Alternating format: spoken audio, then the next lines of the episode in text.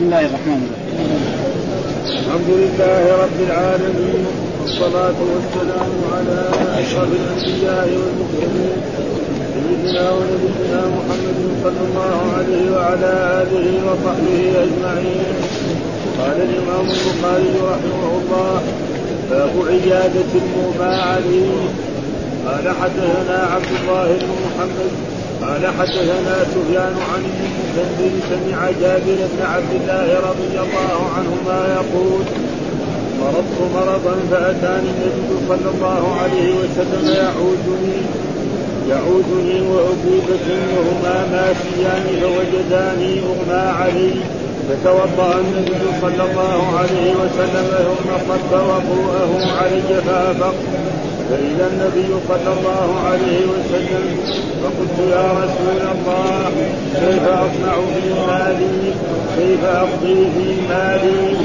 فلم يجبني بشيء حتى نزلت آية الجيران باب فضل يشرع من الريح قال حدثنا مسدد قال حدثنا يحيى عن عمران أبي بكر قال حدثني عطاء بن أبي رباح قال قال ابن عباس ألا أريك امرأة من أهل الجنة؟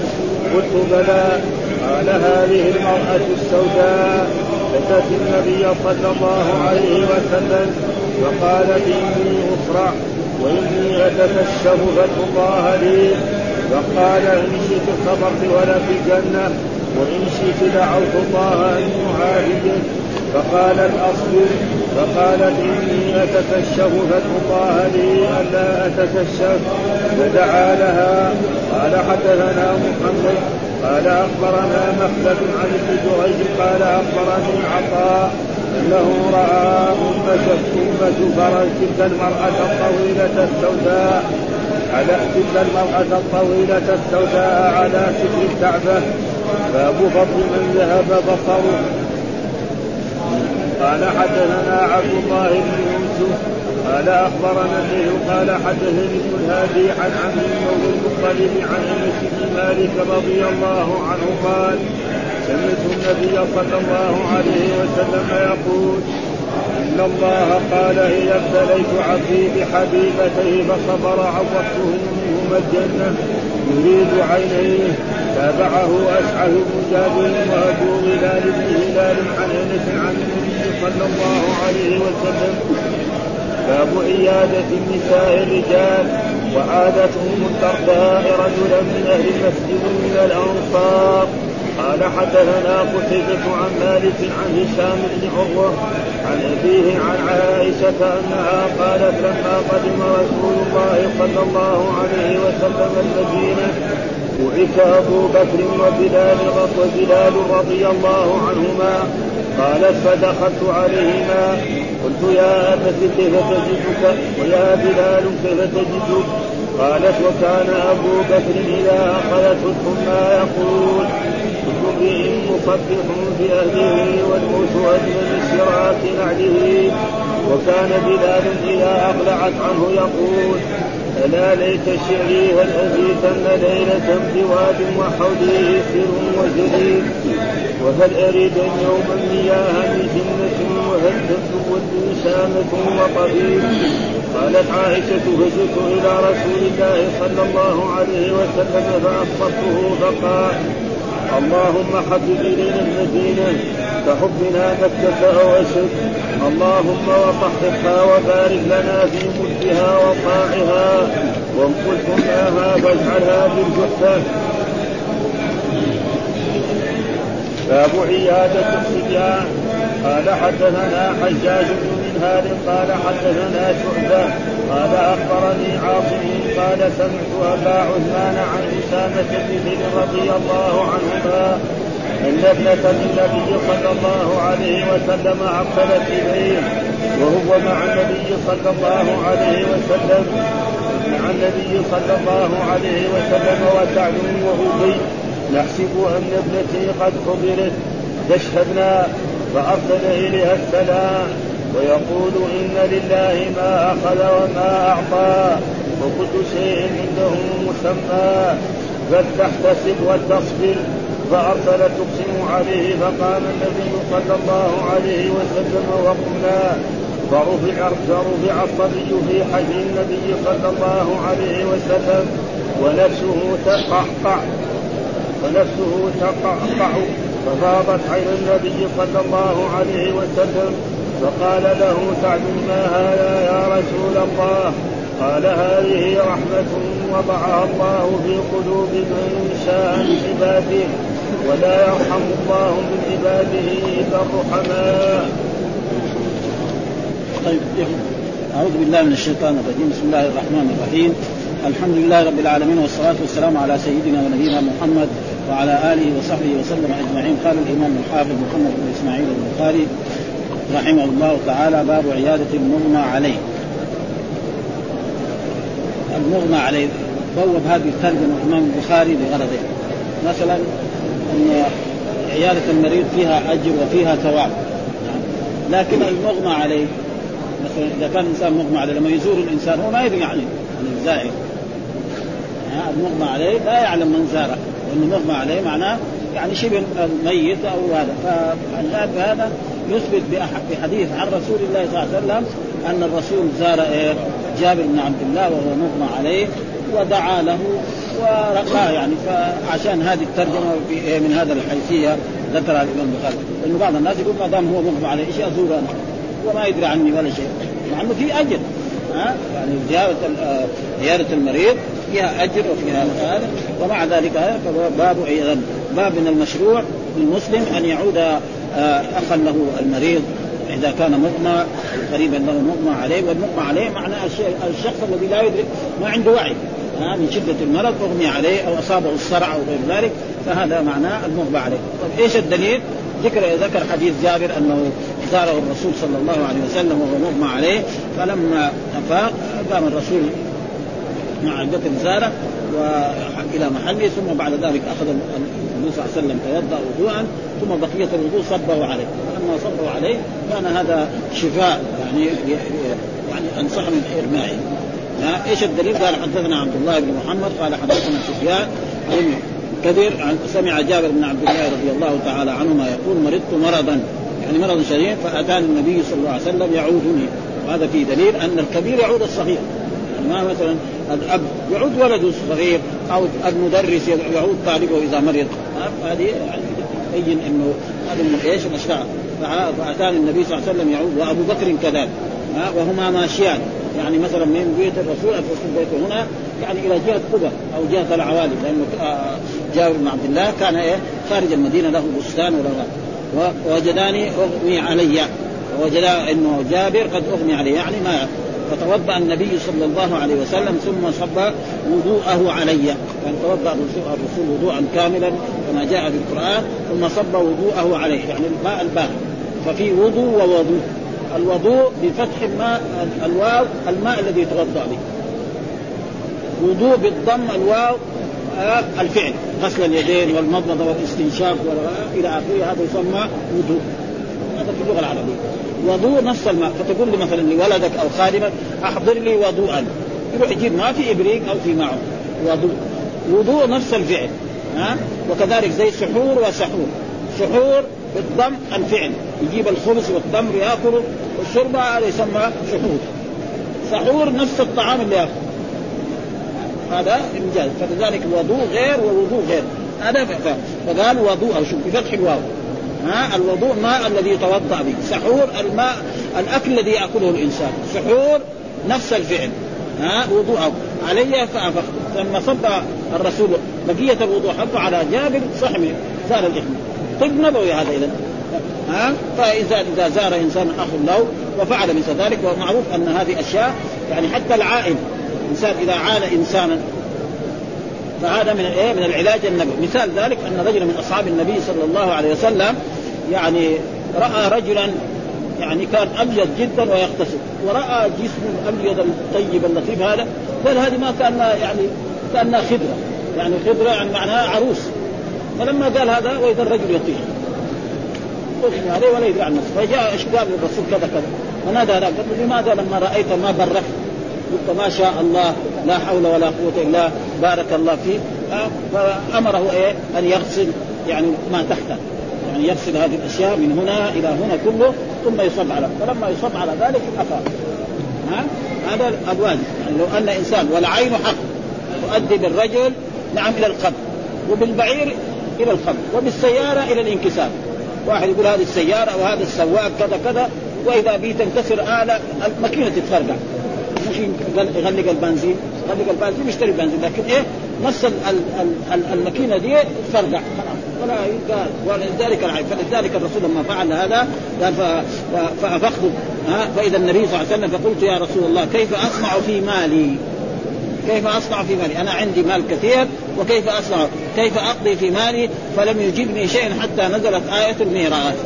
يعني فلم يجبني الرسول صلى الله عليه وسلم حتى نزلت. ومعلوم آيات الميراث في القرآن ثلاثة. ها التي مثلا يوصيكم الله في أولادكم للذكر مثل حظ الأنثيين والآية اللي بعدها ولكم نصف ما ترك أزواجكم والآية الأخيرة اللي في آخر سورة النساء يستفتون وليش هو سأل هذا؟ لأنه هو كلالة إيش الكلالة؟ أن يموت الإنسان وليس له أصل ولا فرع. أبوه ما في والظاهر إنه أولاد كمان ما كان عنده، عنده أخوان. ها فلأجل ذلك سأل في الكلام، والقرآن ذكر الكلام، ها يستفتون قل الله يفتيكم في الكلاله ان امرؤ هلك ليس له ولد وله أخت فلا نصف ما ترك ويرث وإن لم يكن له ولد فإن كانت اثنتين فلهما الثلثان مما ترك وإن كانوا إخوة رجال ونساء فللذكر حظ وفي الآية الثانية ولكم نصف ما ترك أزواجكم ان لم يكن لهن ولد.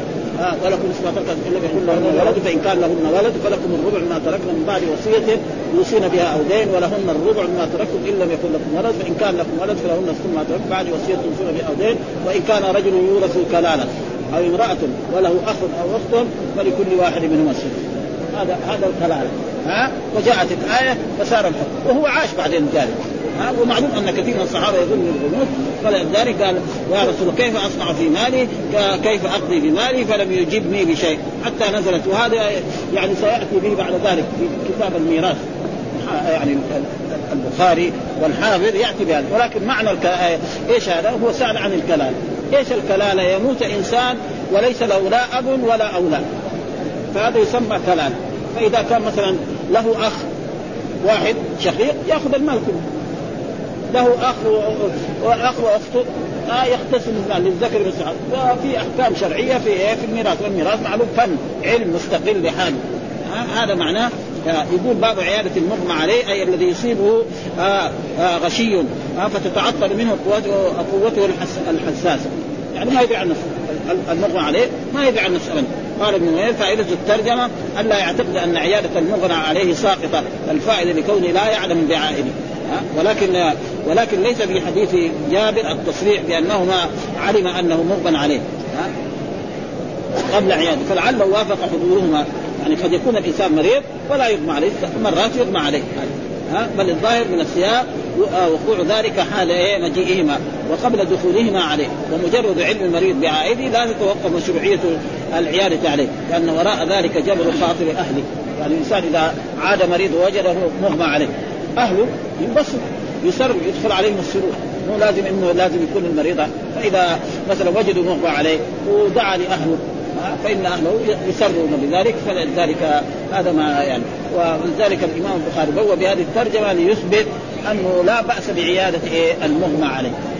سواء كان يعني أفاق أو لم يفق. فإنه إذا أفاق فهو قد علم. وإذا لم أفق فإن أهله وأقاربه يدخل عليهم السرور وهو يدعو.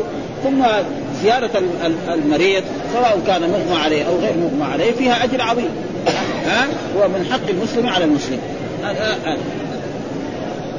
قال وقد تقدم شرح حديث جابر المذكور في كتاب الطهارة وفي تفسير سورة النساء. سورة النساء لأجل إيه؟ مسألة الكلام. ثم ذكر باب فضل من يسرع من الريح. باب فضل باب فضل من يسرع من, من الريح باب فضل من يسرع يعني باب فضل الذي يسرع من الريح إيش معنى الريح هنا؟ الريح يقول إن انحباس الريح قد يكون سببا للصرع يعني إيه؟ يعني يصير معاه يعني زي دوخة والدوخة هذه تطلع إلى رأسه ومعلوم المخ له إيه؟ أثر في الإنسان الآن يعني دائما الناس يقولوا العلم الحديث. يقولوا مثلا القلب زي مضخة الإيه؟ الدم. زي زي الإنسان لما يكون في بيته وعنده مثلا خزان والخزان هذا إيه؟ نعم لما يشغل الدينامو يطلع الماء. هذا فلسفه لكن القرآن والسنة دائما ما تتحدث عن عن عن الدماغ دائما تقول مثلا القرآن يقول لهم قلوب لا يفقهون. ما قال عمره لهم أدمغة. ما في القرآن لهم أدمغة. لكن ليس معنى ذلك أن الدماغ ما له ما له شغل الدماغ له حساسيه مثلا واحد الحين يضرب على رأسه يصير إيه؟ ما يفهم عن شيء. يقعد يعني في هذه السنين. شخص مثلا يطيح أو بسياره أو هذا يودوه للمستشفى يقعد شهر. حي وهو ما يدري عن نفسه. ها؟ ما يدري عن نفسه ابدا. بعدين بعد مدة شهر بعضهم شهر بعضهم شهرين بعضهم 20 يوم فاذا آه الريح هذا اذا إيش هو؟ على على تفسير العلماء أنه انحباس الريح قد يكون سببا وهي علة تمنع الأعضاء الرئيسية عن انفعالها ها منعا غير تام ويسببه ريح غليظة تنحبس في منافذ الدماغ. الدماغ له إيه؟ يعني صلة. ولأجل ذلك مرات لما مثلا يمسك الأشياء مثلا يمسك الشيء الحار يغري كانه كانه كهرباء. يقول له هذا إيه؟ نار هذا كذا هذا هذا كذا. فهذا معناه أو بخار رديء يرتفع إليه من بعض إيه؟ الأعضاء. وقد يتبعه تشنج في الأعضاء فلا يبقى الشخص معه من منتسبا بل يسقط ويقذف بالزبد. يعني تجد إذا طاح يعني فمه يدخل بموضع الزبد كأنه بعير. هذا فهذا يعني ويسقط ويقذف بالزبد لغلظ الرطوبة. وقد يكون الصرع من الجن. يعني الصرع مرات قد يكون من الجن. رجل يتلبسه جن من الجن فيتلبس. بينما هو ماشي تشوفه يطير ثم بعد ذلك بعد خمس دقائق أو هذا يقول أو جاء إنسان وقرأ عليه آية الكرسي أو هذا. فإذا الريح معناه هنا يعني من يسرع من الريح الذي هو انحباس الريح في هذا حتى يصل إلى الدماغ أو مس من الجن. فإن الجن يؤذي إيه؟ الإنس عدو له مرات بعض الجن يتلبس إنسان ويجعله يعني زي المجنون. هذا معناه هذا. باب فضل من يسرع من الريح. إذا الريح المراد قد يظن الريح مثلا الريح مثلا لما يخرج من الإنسان من دبره ليس هذا ها؟ لا مثلا الريح كذلك الهواء ها؟ أما عادوا فاهلكوا بريح صرصر عاتيه فحتى يدل على أن اللغة العربية لغة لغة عظيمة جدا. ما في زي ريح يعني شوف دحين هنا كم معنى حصلنا بمعنى الريح هنا معنى الريح معنى يعني الإنسان يصير مغمى عليه يطيح. وهذا ما يكون إما بواسطة يرتفع عليه انحباس في الأشياء أو مثلا مس من الجن ف... ومرات الريح يكون يكون ومرات يجمع الرياح. ها, ها. ها. فيقول باب فضل من يسرع من الريح، الريح هذا يعني إنسان يسرع ويكون ما عنده أي تفكير ثم بعد ذلك يصحى من ذلك. والدليل على ذلك ما ساقه الإمام البخاري في هذا الحديث. قال حدثنا مسدد قال حدثنا يحيى بن عمران أبي بكر قال حدثني عطاء بن أبي رباح قال قال لابن عباس ألا أريك امرأة من أهل الجنة؟ عطاء بن أبي رباح هذا يعني تابعي. ما أدرك الرسول وهو من تلامذة عبد الله بن عباس رضي الله تعالى عنه. قال قال ألا أريك؟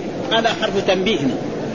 ها يعني تريد أن افيدك فائده علمية وتريد تعرف هذه المرأة؟ هذا معنى. زي ألا إن أولياء الله لا خوف ألا أريك امرأة من أهل الجنة؟ ما تحب يعني أطلعك على امرأة من أهل الجنة؟ ماشيه الآن هنا في الدنيا عندنا. قال كيف ما هذه المرأة السوداء. مين اللي قال إنها من أهل الجنة؟ رسول الله صلى الله عليه وسلم.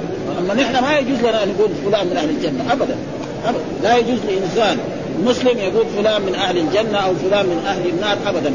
إلا إذا كان عنده الرسول صلى الله عليه وسلم قال. فالرسول نص على بعض ناس من أصحابه الجنة مثلا أبو بكر وعمر عثمان علي طلحة الزبير. نعم. مثلا فاطمة الحسن والحسين هذول نص عليهم فنحن. وأما نحن المسلمين فنحن نرجو للمحسن الجنة. ونخاف على المسيء النار يعني رجل شفناه صالح نرجو أن يكون من أهل الجنة. رجل عاصي نخاف عليه أن يكون من أهل النار. أما كون نحن أن فلان من أهل النار هذا لا يجوز. ابدا. هذا لأنه هذا إن احدكم لا يعمل بعمل أهل الجنة حتى ما يكون بينه وبينها إلا ذراع فيسبق عليه الكتاب فيعمل بعمل وإن احدكم لا يعمل بعمل أهل الجنة حتى فلذلك قال له ألا تحب أن اريك آه هذه آه المرأة السوداء أتت النبي صلى الله عليه وسلم فقالت إني أسرع. هذا محل الشاهد. ها اسرع يعني أصير مغمى عليه آه وإني اتكشف يعني لما اسرع أطيح في الأرض يمكن ينكشف يعني يبان عورتها أو يبان فخذها أو يبان فرجها أو غير ذلك ها وإني أتكلم. فادعوا الله لي. فطلبت من الرسول أن يدعو الله لها أن يزيل عنها ويزيل عنها الصرع ويزيد عنها. فقال لها الرسول إن شئت صبرت ولكن جنة. هذا محل الشاهد. إن شئت صبرت ولك الجنه يعني تصبري على هذا. حتى تموتي فإن يكون لك الأجر الثواب الجنة. الجنة إيش هي؟ دار الكرامة التي أعدها الله لعباده المؤمنين. دائما القرآن إذا قال الجنة المراد ليس الجنة اللغوية البستان. في مرات يجي الجنة معنى البستان. يعني واحد يروح إلى بلاد فيها بستان فيها زروع فيها فواكه فيها آه أزهار يسمى بستان. فلكن القرآن دائما لما يقول الجنة إيش المراد بها؟ دار الكرامة التي عدها الله لعباده المؤمنين. هذا هو ها؟ مثلا جنات عدن مفتحة لهم الأبواب. جنات عدن يدخلها إيه دار الكرامه وفي مرات في القرآن تجي الجنة بمعنى البستان. مثلا الله يقول إنا بلوناهم كما بلونا أصحاب الجنة. إيش المراد بأصحاب الجنة هنا؟ بستان. ها؟ كلتا الجنتين آتت اكلها فاذا المراد بالجنة هنا إيه؟ دار الكرامه التي أعدها الله لعباد المؤمنين. ها, ها؟ فقالت آه صبرت إن شئت صبرت وإن شئت دعوت الله أن يعافيك. فقالت أصبر. قالت أنا أصبر. ها؟ بس ما أحب إيه؟ تدعو الله أن لا أتكشف. يعني إذا صرت مصروع لا أتكشف إيه؟ لا يبان أعضائي مثلا فرجي أو غير ذلك من فخذي أو غير ذلك من عورتي. فدعا الله لها فصارت لا تتكشف. يجيها صراع وهذا في إيه؟ أجل. لأنه هذا ونحن إيش بنقرأ؟ يعني كتاب المرضى. أجل ما إيه؟ يعني يؤذى المرضى وذكر الآية. من يعمل سوءا يجزى به. ليس بأمانيكم ولا أماني أهل الكتاب من يعمل. فالإنسان لما يسرع دائما ويصاب بهذا ها فيكون له في أجر ثواب. فلذلك قال فادعوا الله أن لا تكشف فدعا لها. وهذا محل الشاهد أن المراه كانت تسرع ودعا لها الرسول. وأن عبد الله بن عباس قال لعطاء الا تحب أن أريك يعني امرأة من أهل الجنة. مين اللي الرسول قال؟ الرسول إذا قال فلان من أهل الجنة خلاص فلان. أما إذا ما قال الرسول لا إحنا ما نقدر. بس نرجو كل محسن ربنا يدخل الجنة وكل مسيء نخاف عليه من النار. أما نحكم على فلان مثلا رجل عاصي يرتكب بعض المعاصي ما نقدر نحكم عليه من أهل الله نقول له نخاف عليك ترى. ها إذا ما تب وبعدين مت على هذا ابدا. أما ليه؟ لأنه قد يتوب قبل موته. ها فلذلك لا يحكم لأحد بجنة ولا نار إلا من شهد له رسول الله صلى الله عليه وسلم. وهذه مين اللي شهد لنا الحين؟ الرسول صلى الله عليه وسلم. ها؟ فلذلك نحن نشهد لها أنها من أهل الجنة لأن الرسول ذكر ذلك. قال واما الإيقاع وقد يكون الصرع من الجن ولا يقع إلا من النفوس الخبيثة منهم إما لاستحسان بعض الصور الأنسية وإما لإيقاع الأذية بهم، يعني بعض الجن يتلبس الإنسان وله أسباب كثيرة، مثلا يؤذي الجن فلذلك يجب الإنسان يحترز أمر الرسول أن الواحد إذا يقول بيت الخلاء يقول اللهم إني أعوذ بك من الخبث والخبائث. خرج يقول غفرانك. ها؟ الحمد لله الذي أخرج عني الأب وأن لا يدخل في المحلات ثم كذلك لا يرمي أشياء مثلا ماء حار في البلاليع أو في بيوت الخلاء أو في غير ذلك. ها؟ وكذلك يعني لا يعني يكون لأن الجن يؤذي مرات. الجن إيه؟ غير الصالح. لأن الجن فيهم مؤمنون وفيهم كفار. والرسول بعث إلى إيه؟ إلى الإنس والجن. فلأي ذلك هذا يعني وبعضهم جزء ولا يعرف علاجا له إلا بمقاومة الأرواح الخيرة العلوية التي تنتفع أو مثلا بالرقيه يعني رجل يكون معاه الصرعه نقرأ عليه رقى آه نبوية. مثلا مثل الفاتحة مثل آية الكرسي مثل المعوذ قل هو الله أحد والمعوذتين. يشفى وهذا كثير. قد حصل ذلك أن بعض من الصحابة رضوان الله تعالى عليهم لما سافروا إلى بلد ولم يضيفهم هؤلاء القبيلة لدغ سيدهم. فلما لدغ سيدهم ذهبوا كل دواء في قريتهم ما نفع. فبعضهم قال اذهبوا إلى هؤلاء القراء لعل يكون عندهم دواء. فجاءوا إلى رجل من الصحابة قال لهم أنا أداوي لكم. لكن مجانا ما لازم تعينون أجرة. فعينوا له قطيعا من الغنم. يعني 20 راس من الغنم أو 30 عدد ما ها؟ فصار الصحابي يقرأ الفاتحة من أولها إلى آخرها المرة الأولى المرة الثانية كأنما فك من عقاب. ها؟ فلما أخذوا الغنم ما رضوا يتصرفوا حتى جاءوا إلى المدينة وسألوا الرسول فقال لهم الرسول اضربوا لي معكم سهم. وإن كان أحد يعني رقى برقه الباطل فقد فالفاتحة شفاء ومن أسمائها الشافيه ومن أسمائها الكافية إلى غير ذلك. فابدا. وكذلك آية الكرسي. ها؟ فان يعني يعني بلال لما كان الصدقه قال له إبليس نفسه قال له قال له اقرأ آية إذا قراتها ما يجي. فقال له قال له الرسول صدقك وهو كذوب صحيح آية الكرسي نعم. خلي واحد يقرأ. وجاء في الحديث من قرأ آية في ليلة لم يزل عليه من الله حافظ ولا يقربه شيطان حتى يصبح. هذا كلام الرسول صلى الله عليه وسلم. ها؟ لا يقربه شيطان حتى يصبح. ولا يحتاج ابدا. ولا يحتاج يساوي آه، يعني حجب. ولا أشياء. يعلق على على على رأسه ولا على كتفه ولا في حلبه بعض الناس الآن يعلق هذه الأشياء. بدل ما إذا كان صغير آه نحن نقول وإذا كبر نقول نعلمه آية الحب ما يقدر يقول أقول أعوذ بكلمات الله التامات من شر ما خلق. خلاص يقول. فقد حصل ذلك أن رجل من الصحابة قيل إن بيته احترق. قال له ما يمكن بيتي ينحرق. ليه؟ قال أنا قرأت تعويذ عن رسول الله صلى الله عليه وسلم. ها؟ فراحوا وجدوا كل المحل انحرقت البيوت والعشش الموجودة بيته قاعد يحرق. بس يكون إيه؟ عنده يقين. مو يبغى يجرب. التجربة دي إيه؟ دواء الطبيب. ها؟ دواء الطبيب. إذا أعطانا دواء نجرب. المرة الأولى المرة الثانية ما يصلح نرميه في الشارع أو في المساجد. أما كلام الرسول لازم ياخذ قضية من وهذا معناه قال حدثنا محمد بن حدثنا محمد قال أخبرنا مخلد عن ابن جريج أخبرني عطاء أنه رأى أم زفر ها تلك المرأة الطويلة السوداء على ستر الكعبة. كان يفهم من هذا أن هذه غير وهذه غير. أم زفر غير تلك المرأة الطويلة السوداء على ستر الكعبة، ستر الكعبة يكون معناه سلم الكعبة يعني في مكة، معلوم أن عبد الله بن عباس بعد ذلك انتقل إلى مكة وصار هناك سنين طويلة وهو العالم وهو هذا ثم بعد ذلك انتقل إلى إلى الطائف حتى توفي في الطائف، فهذا عن عطاء أنه رأى أم زفر؟ يعني هذه إيه أم زفر هذه كان اسمها جارية. هذه غير وهذه غير. ها تلك المرأة وقد يكون المساله حصلت مرتين. السوداء على ستر الكعبة، إيه ستر الكعبة؟ المراد به يقول سلم الكعبة. معلوم أن الكعبة معروف مرتفعة. ها ما حد يدخلها إلا؟ بدليل فقال له ها يعني أريك امرأة من أهل الجنة؟ له هذه هذه فقد يكون ومعلوم أن الرسول دعا لكثير من الناس ها ودعاء الرسول مستجاب. صلوات الله وسلم إذا دعا الإنسان فإنه يستجاب ولأجل ذلك ذكر في هذه انه تلك المرأة تلك المرأة قوله على ستر بكسر السين أي جالسة عليها. ويجوز أن تتعلق بقوله رأى أي وجد. الحديث في الأدب وجدت الحديث في الأدب المفرد وقد أخرجه بهذا السند المذكور هنا بعينه على سلم الكعبة. الله أعلم. على كل حال يعني كذلك هذه ثبت أن هذا. وقد يؤخذ من من الطرق التي أوردها أن الذي كان بأم زفر كان من من صرع الجن لا من صرع الخلق. وقد أخرج البزار وابن حبان من حديث أبي هريرة يعني هذه الثانية كانت في إيه؟ من الجن. وهذيك كانت من إيه؟ من الآل عن أبي هريرة جاءت امرأة بها لمم إلى رسول الله فقالت ادعو الله فقال إن شئت دعوت الله لك فشفاك وإن شئت صبرت ولا حساب عليه قالت بل أصبر ولا حساب عليه وفي الحديث فضل من يسرع وأن الصبر على بلاء الدنيا يورث الجنة. يعني هذا فائده ناخذها إن الصبر على بلاء الدنيا يورث وأن الأخذ بالشدة أفضل من الأخذ بالرخصة. لمن علم من نفسه الطاقة ولم يضعف عن التزام الشدة. وفيه دليل على جواز ترك التداوي. ها؟ انها يعني واحد إذا صار مريض إذا يبغى يتداوى يتداوى. يعني ما هو واجب التداوي. جائز. ها؟ يبغى يتداوى له ان يتداوى. يبغى ما يتداوى بكيف؟ ما يقول لي اذا لازم إلا تروح للطبيب تتداوى قال أنا بدي اصبر اذا ربنا يبغى يشفيني يشفيني يجب ليس واجب عليه وفي أن علاج الأمراض كلها بالدعاء والالتجاء إلى الله انفع وأنفع من العلاج بالعقاقير. ها؟ أنفع من الطبيب.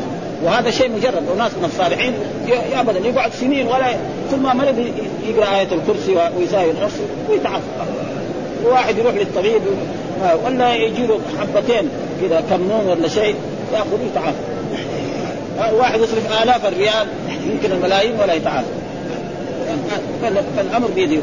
ولكن إنما ينجح بأمرين أحدهما من جهة العليل وهو صدق القصد. والآخر من جهة المداوي وهو قوة توجهه وقوة قلبه بالتقوى والتوكل. يعني كذلك إذا كان الإنسان المريض يجي عند الطبيب وهو يعتقد إنه ما إنه ما, ما هو طبيب وأن الدواء ما يفيد. ما ينفع هذا يكون في إيه؟ وكذلك الطبيب اللي يداوي هذا يكون كمان عنده قوة شخصية ويكون مستعين بالرب سبحانه وتعالى فلذلك ثم ذكر باب فضل من ذهب بصره باب فضل من ذهب بصره يعني باب يذكر فيه وهو أنه إيه له الجنة. إيش الفضل هذا؟ أن من ذهب من ذهب بصره من أخذ الله له حبيبتين نعم ثم صبر فله الجنة. لأن العين شيء ثمين جدا. ها؟ كان يرى يمشي في الشارع يرى يرى أهله يرى زوجته يرى أولاده فلما أخذ الله حبيبتيه أصبح لا يرى. هذا إيه إذا صبر واحتسب فإن له من الأجر أنه له الجنة. والجنة هي غاية المقصود. كل ما في الدنيا هذا فان وزائف فإذا ولذلك ذكر هذا الحديث وذكر فيه هذا. قال بفضل من ذهب بصره. يعني إيش الفضل هذا؟ ذكر في الحديث أن له الجنة. ها؟ من أخذت حبيبتين وصبر فإن له الجنة، إيش الدليل؟ قال حدثنا عبد الله بن يوسف قال أخبرنا الليث قال حدثني أبي الهاد عن عمرو بن مولى المطلب عن أنس بن مالك قال سمعت النبي صلى الله عليه وسلم يقول إن الله قال يا إذا ابتليت عبدي بحبيبتيه فصبر.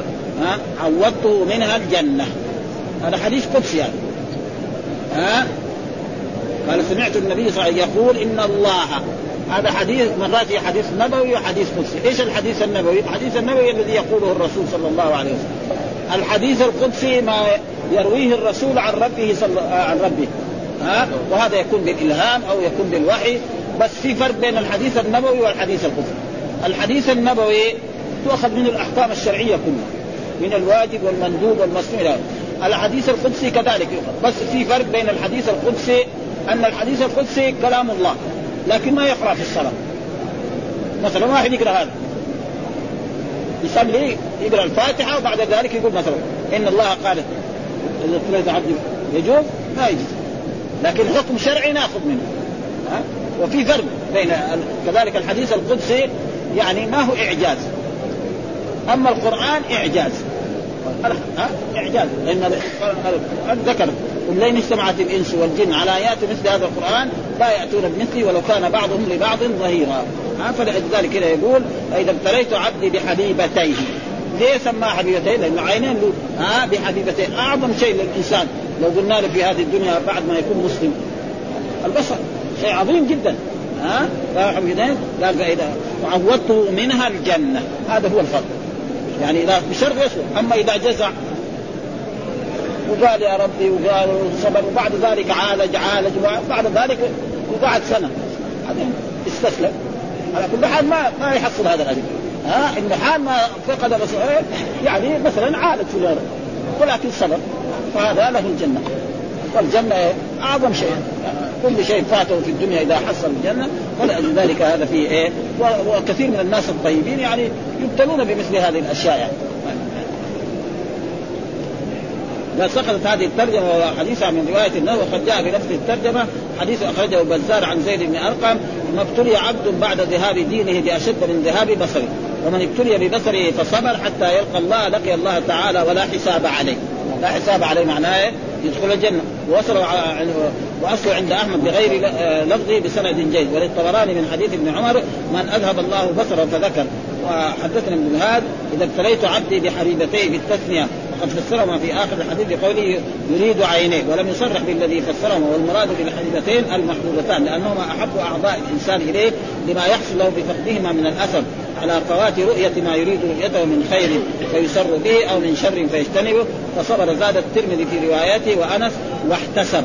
ها صبر معناه. وكذلك ابن حبان والترمذي من حديث أبي هريرة وابن حبان من حديث ابن عباس أيضا. والمراد أنه يصبر مستحضرا. إما مستحضرا ما وعد الله الصابرين من الثواب. لا أن يصبر مجردا عن ذلك. لأن الأعمال بالنيات وابتلاء الله عبده في الدنيا ليس من سخطه من سخطه عليه بل إما لدفع مكروه أو لكفارة الذنوب أو لرفع منزلة فإذا تلقى ذلك بالرضا تم له المراد. وإلا تم له المراد وإن لم يصبر كما جاء في حديث سلمان ان إن مرض المؤمن يجعله الله له كفارة ومستعتبا وإن مرض الفاجر كالبعير كالبعير عقله أهله ثم أرسلوه فلا يدري لما عقل ولما أرسل. يعني المريض المؤمن إذا إذا مرض يكون إيه؟ يعني يكون اذا يعني كما جاء في الحديث أن مرض المؤمن يجعله يجعله الله له كفارة وأن مرض الفاجر كالبعير عقله أهله ثم أرسله. مثلا البعير لما يعقل أو البعير يعرف ليش عقله؟ ثم إذا ارسله ما يدري فيكون يصاب بأمراض ولا ولا يتنبه بهذه الاوصاف حتى يتوب أو يرجع إلى الرب سبحانه وتعالى. قال عوضته الجنة وهذا أعظم العوض لأن لأن الالتزام بالبصر يفنى بفناء الدنيا. الاعتزاز بالبصر والاعتزاز بالجنة باق ببقائها وهو شامل لكل من وقع له. ذلك بالشرط المذكور. ووقع في حديث أبي أمامة فيه قيد آخر أخرجه البخاري في الأدب بلفظ إذا أخذت كريمتين فصبرت عند الصدمه واقتصدت فأشار إلى أن الصبر النافع وما يكون في أول وقوع البلاء فيفوض ويسلم. وإلا فمتى تضجر؟ ها؟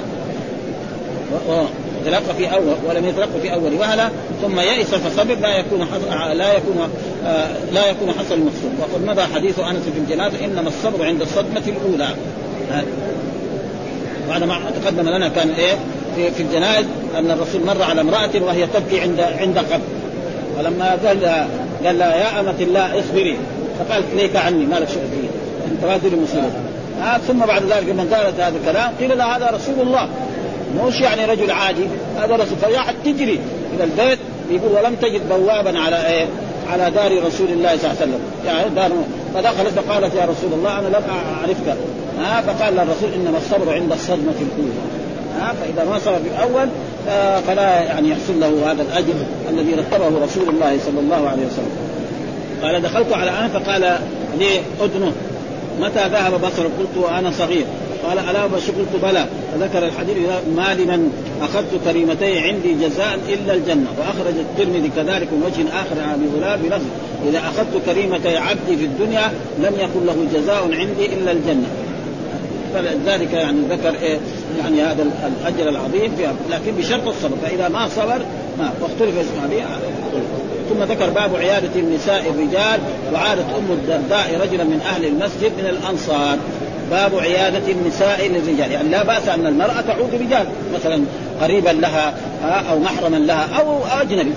تعود تسلم عليه ما ما تصافحهم يده تقول كيف حالك؟ كيف صحتك؟ لعل المرض أخف. وتدعو له. هذا جائز. ما في مانع. وأما إذا كانوا اقارب فهذا من باب أولى. مثلا أم زوجتي أو خالته أو عمته هذول محارم. وكذلك المرأة الأجنبية لها أن تزور الرجال. ما في شيء ها؟ ناس جيران مع بعض فيجوا آه، في بيت الشخص الآخر هذا ويسألوا الزوجة كيف مثلا زوجك البارق؟ كيف صحته؟ لا بأس. وتكون الزوجة تبلغ ان إن جارتي فلانة. نعم جاءت تسأل عنك ما في شيء. ما في. وإذا كانوا اقارب هذا أو اصهار فهذا ما في. باب عيادة النساء الرجال. يعني جائز أن المرأة تعود الرجال. إيش الدليل؟ قال وعادت ام الدرداء رجلا من أهل المسجد من الأرض، ام الدرداء هذا هذا تعليق. وعادت ام الدرداء، وام الدرداء هذه يعني آه يعني امرأتين، في ام الدرداء الكبرى وام الدرداء الصغرى، والذي يظهر هذه أن ام الدرداء الكبرى.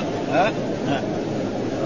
لأن هذه ماتت يقول في عهد عثمان والثانية هذه ام الدرداء الصغرى. هذه عاشت إلى في عهد معاوية أو بعد عهد معاوية. فإذا أم الدرداء في يعني في الأحاديث ثبت في, أسماء الرجال أن أم الدرداء اثنين.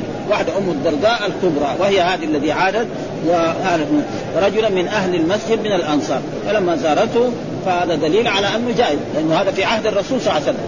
يعني زارت في إيه؟ في عهد رسول الله. لو كان ما يجوز كان ينزل, ينزل الوحي. انه هذا ما يصح ان تعود. وخلني إذا كان في قرابه وهي ما ذكر لا في قرابه ولا شيء، إيش الدليل؟ آه ذكر الحديث المرفوع الذي هو يستدل بالامام البخاري وهي أن عائشة نعم زارت أباها أبو بكر الصديق لما مرض هنا في المدينة وزارت بلال. ها؟ فهذا هو الذي وقال هذا التعليق، التعليق إيش هو؟ البخاري ما أدرك ام الدرداء بينه وبينه صحابي. هو جاب ولد عام 204 فين؟ فهذا معنى التعليق يعني حذف إيه؟ السند باب عيادة الرجال وعادة من أهل المسجد الأنصار، إيش قال؟ حدثنا قتيبة عن مالك عن هشام بن عروة عن أبي عن عائشة أنها قالت لما قدم رسول الله صلى الله عليه وسلم المدينة وعك أبو بكر وبلال رضي الله عنهما قالت فدخلت عليهما فقلت يا أبت كيف تجدك؟ ويا بلال كيف تجدك؟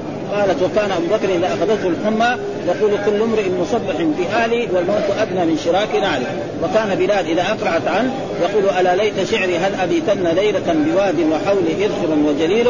وهل أردا يوما مياه مجنه وهل تبدو لي شامة وطفيل؟ وهذا محل الشاهد عن هشام بن عروة عن ابي عن عائشة، عائشة إيه؟ قالت لإيه؟ لعروة بن الزبير لأن أمها أسماء بنت أبي بكر أنها قالت لما قدم رسول الله المدينة. وهذا اختبار يعني ابتلاء. لما قدم الرسول هاجر الرسول من مكة إلى المدينة أصابتهم الحمى. ومعلوم أن المدينة كان فيها يعني الحمى ها؟ وباء. فصارت تصيب الصحابة. وهذا كثير يعني حتى دحين واحد مثلا يجي أول ما يسكن المدينة يمكن يصاب. يشوف حتى يختبر لأن في أحاديث إن المدينة تنفي خبثها كما ينفي الكير خبث الحديد والذهب والفضة. فهذا ابتلاء اختبار وهذا حاصل يعني كثير رأينا اي شخص يجي هنا يصاب ببعض المسائل يصبر ولا ما يصبر؟ وأما إذا كان مثلا هو في المدينة وحصلت حصل عليه ضيق من جهة المعاش فإذا خرج من المدينة ممكن ربنا يعوض. لكن لما يفرض كده يعني فسقان زي ما يقول باللفظ العام هذا يمكن يضيق عليه. فلذلك تقول هنا لما خدم رسول الله صلى الله عليه وسلم وعك أبو بكر يعني مرض. ها؟ يعني وعكا شديدا وبلال كمان قال فدخلت عليهما هذا أبوها وهذا بلال. بلال إيه؟ عتيق من إيه؟ أبو بكر الصديق. مين أعتق؟ زي ما يقول في المثل أعتق سيدنا سيدنا. السيد الأول أبو بكر والسيد الثاني بلال بن أبي رباح. لأن بلال بن رباح يعني كان عبدا مملوكا وكان يعذب في مكة. فجاء أبو بكر اشتراه. واعتقه في سبيل الله. ها فكانت تقول كيف تجدك يا ابو بكر يا أبي؟ وكيف تجدك؟ قال وكان إذا اخذته الأمة يقول هذا كل امرئ مصبح في اهله والموت أدنى من شيء يعني يرتجز بهذا البيت. يعني يعني كأنه ينتظر الموت. وكان بلال إذا اقلعت عنه يقول ألا ليت شعري هل أبيتن ليلة؟ يعني يتذكر مكة لأنه عاش في مكة مدة من الزمن وإن كان كان هناك في مكة يرى أشياء ها بواد المراد بالوادي هنا مكة. يعني في هذا إيش المراد؟ لأنه مكة معروف في وادي. كلها من الجبال ها ويكفي ذلك يعني قبل سنوات كثيرة قبل الاساء والإصلاحات إذا جاء السيل يدخل في المسجد الحرام. وقد قريب هنا قبل سنوات يعني يعني السيل دخل المسجد الحرام حتى وصل إلى المراوح الموجودة. يعني ما في قبل 15 سنة. اشياء يعني فهذا الوادي إيش الوادي هنا؟ ما هو الوادي الوادي المراد مكة. ها؟ لأنه نشأ في مكة وتربى في مكة ويعرفها. هذا هذا معناه أبي. الوادي. وحولي اذخر وجليل اذخر معناه الاذخر نبات. معروف. ها؟ رائحة طيب الرائحه وجليل كذلك نبات. اما الاذخر فجاء في الأحاديث الصحيحه عن رسول الله صلى الله عليه وسلم أن الرسول يعني لما أمر أن لا يقطع شجر مكة. ها؟ فقال آه العباس يا, يا رسول الله إلا الاذخر ها؟ فإن نجعله في قبورنا ولقيننا فقال الرسول إلا الاذخر يعني مثلا القين من الحداد. يأخذ شيء من هذا الأخضر هذا ولما يبغى يساوي الكير. يحطه فيه يقدر يولع النار وجليل كذلك يعني يحب نبت طيب الرائحة وهو ناشئ في مكة. وكمان وهل أردا يوما مياه مجنة؟ وهل أردا كمان يوما مياه مجنة؟ مجنة إيه؟ سوق من أسواق الجاهلية كما سوق عكاب وسوق مجنة حول الكعبه حول مكة هناك. وهل تبدو لي شامة وطفيل شامة جبلين في مكة. معلوم الإنسان لما يكون في بلد ينشأ فيها يتذكر هذا ما في شك. وهذا مما يدل على أن يعني قبل سنوات يعني مرة من المرات يعني سمعنا ان أن بلال كان يعني معروف أن بلال كان يؤذن لرسول الله صلى الله عليه وسلم. وفي مرة من المرات قبل سنوات طويلة يعني قبل عدة سنوات سمعنا أن شخصا كتب إلى لندن. يعني أنا سمعت في الإذاعة. أنه كتب إلى ان أن بلال كان يقول أشهد أن لا إله إلا الله. يعني لأنه عجمي ما يقدر يقول أشهد وكان يقول أزل. فقال الرسول إنه إيه؟ أن بلال هذا يعني سينه شين. وكان لما قالوا هذا في لندن حقيقة الشيخ عماد جزاه الله خير كتب إلى لندن. ها؟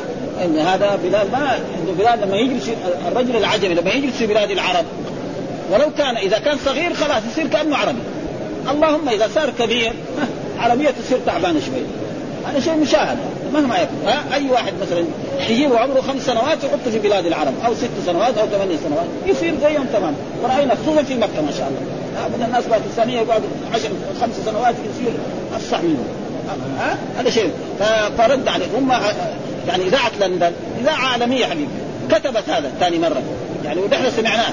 إنه يعني نحن كتبنا شخص إنه إنه بلاد يعني يقول أشهد أن لا إله والرسول قال هذا غلط. لأنه بلال ما لازم يقعد يأذن عشر سنوات في المدينة وهو يقول أشهد أن لا إله وفي ناس عرب إيه؟ ما يصير هذا. ها؟ فرد عليهم وحقيقه هم يعني إذاعة لندن يعني ذكرت هذا في إذاعة. يكون بسؤال جواب ولا يعني بين بين السائل والمجيب وقالوا نحن نحن إذاعة. ما عندهم العلم مذيعين ها؟ ولكن وكتبوه يعني. ها؟ فلذلك شوف يعني شعر إيه؟ ممتاز هذا. قد يكون شعره هو.